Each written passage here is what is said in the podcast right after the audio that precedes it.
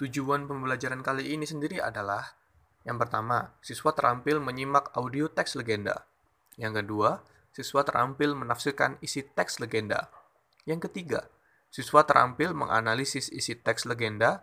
Yang keempat, siswa terampil mengembangkan dan menyajikan data hasil identifikasi isi teks legenda.